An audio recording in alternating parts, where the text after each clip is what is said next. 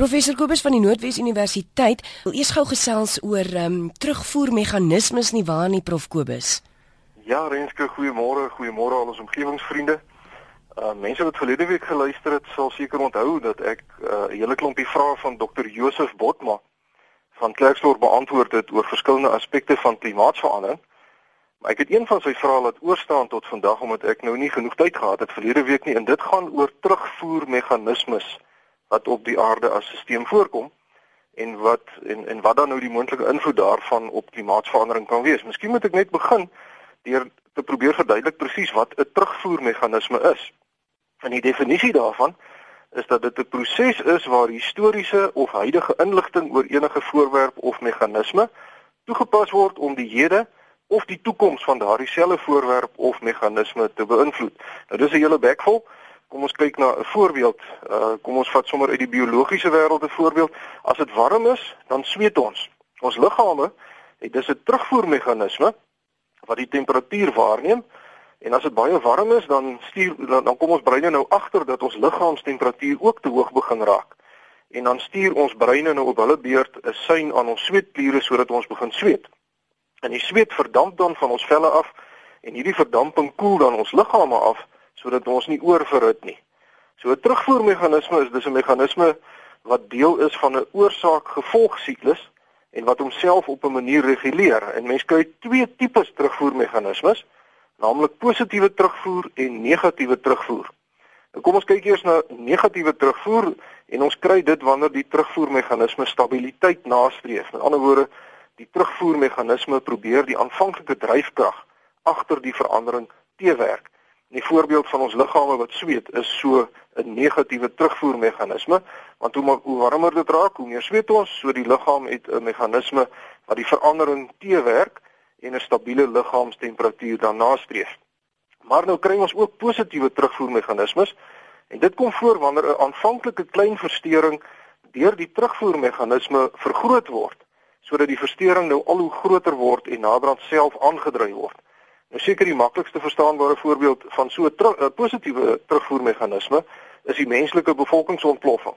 Mense kry babas en as daardie babas groot word, dan kry hulle ook babas en so groei die aantal mense eksponensieel en eintlik buite beheer as daar nie een of ander beperkende maatreel soos byvoorbeeld 'n gebrek aan voedsel of een of ander siekte voorkom nie. Nou as ons nou kyk na klimaatsverandering, Ons kom nou by dokter Botma se se vraag. Dan is daar 'n denkskool wat sê dat 'n negatiewe terugvoermeganisme die een of ander tyd gaan inskop en ons probleme vir ons gaan oplos. Nou die negatiewe terugvoer voorstanders sê dat plante groei beter in warmer klimate en dat plante ook koolstofdioksied nodig het om van te lewe. So as dit dan nou warmer word en daar is meer koolstofdioksied in die atmosfeer beskikbaar, dan behoort dit mos ook te lei tot meer en weliger plante groei en hierdie uh, negatiewe terugvoermeganisme uh, is dus omdat daar nou meer plante is, gaan hulle meer van die CO2 in die atmosfeer opneem en self meer suurstof produseer. So op hierdie wyse sal die aarde self al die CO2 wat ons nou in die atmosfeer vrystel weer opneem in plante en dan so die balans herstel. Maar hierdie is nou een van die sake waaroor daar nie sekerheid in die wetenskaplike gemeenskap is nie.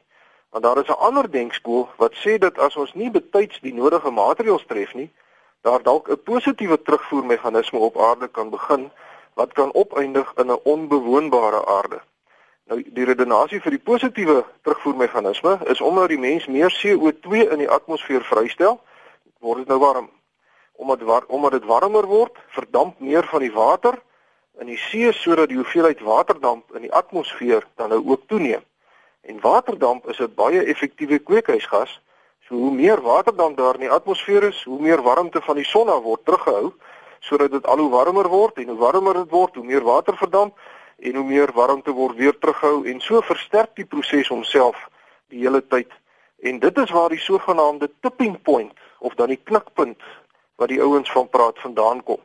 Want as jy so positiewe terugvoermeganisme nie betyds keer nie, dan hol die ding weg met jou sodat jy hom naderhand glad nie meer kan beheer nie. En hierdie denkskool is nie sommer uit die duim gesuig nie, want die toestande op die planeet Venus is 'n is die resultaat van so 'n positiewe terugvoermeganisme wat buite beheer geraak en weggehol het.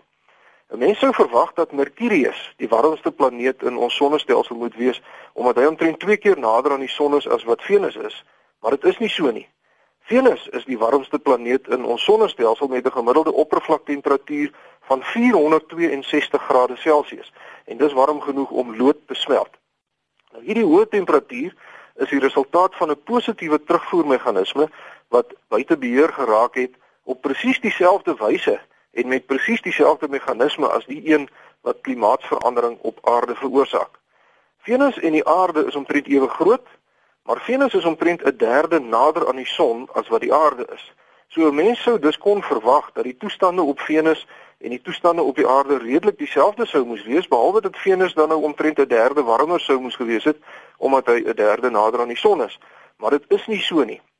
Die huidige teorie is dat toestande op Venus redelik soortgelyk kon gewees het as wat dit nou op die aarde is, maar dat 'n natuurlike siklus in die een of ander tyd in die verre verlede 'n verhoging in die koolstofdioksied in die atmosfeer van Venus veroorsaak het. Nou presies wat dit was, dit weet die mense nou nie. Maar hierdie CO2 het al hoe meer warmte van die son af begin terughou, presies net soos dit op die aarde gebeur en op 'n stadium het die atmosfeer so warm geword dat al die water in die see op Venus verdamp het en die klomp waterdamp in die atmosfeer het op sy beurt nog meer warmte teruggehou en die planeet het al hoe warmer geword totdat selfs die koolstof wat in die oppervlakkesteentes voorgekom het naderhand ook gesublimeer het en nog meer koolstofdioksied gevorm het. En daarom het Venus vandag 'n atmosfeer wat 92 keer digter is as die aarde se en daar is geen vloeibare water op Venus nie. Die atmosfeer bestaan uit 98% koolstofdioksied en die wolke is swaalsuurdampe. Die oppervlak van Venus is 'n woestyntipe landskap met 'n klomp aktiewe vulkane en hierdie buurplaneet van ons is 'n baie goeie voorbeeld van wat moontlik met die aarde kan gebeur as ons nie ons koolstofdioksied vrylatings beperk nie. Want hoe meer koolstofdioksied ons vrystel, hoe warmer word die aarde en hoe meer water kan dan verdamp en die proses kan homself begin versterk en aandryf totdat dit op 'n punt kom waar die mens nie meer die proses kan keer nie. Daar is nie heeltemal eensstemmigheid oor hoe warm dit op Venus sou gewees het as daar nie 'n weghol kweekhuiseffek plaasgevind het nie. Party bronne sê die oppervlaktemperatuur sou in die orde van 68 grade Celsius gewees het, maar ander bronne wat ek geraadpleeg het sê dat dit heelwat heelwat koeler op Venus sou gewees het omdat daar baie wolke in Venus se atmosfeer sou gewees het wat die sonlig kon afgeskerm het. Maar hoe dit ook al sê, hierdie weghol kweekhuiseffek wat op Venus voorgekom het, is 'n voorbeeld van 'n positiewe terugvoermeganisme in die klimaat. En dit is die rede waarom die meeste klimaatswetenskaplikes op aarde so bekommerd is oor ons energie-intensiewe leefstyl wat geweldige hoeveelhede CO2 in ons atmosfeer vrystel.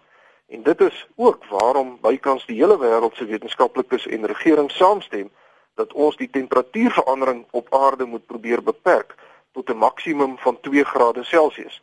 Want as ons toelaat dat die aarde warmer as dit raak, dan kan die gevolglike positiewe terugvoermeganisme 'n weghol kweekhuiseffek veroorsaak, soortgelyk aan wat op Venus gebeur het. En dan is alle lewe op aarde daarmee heen.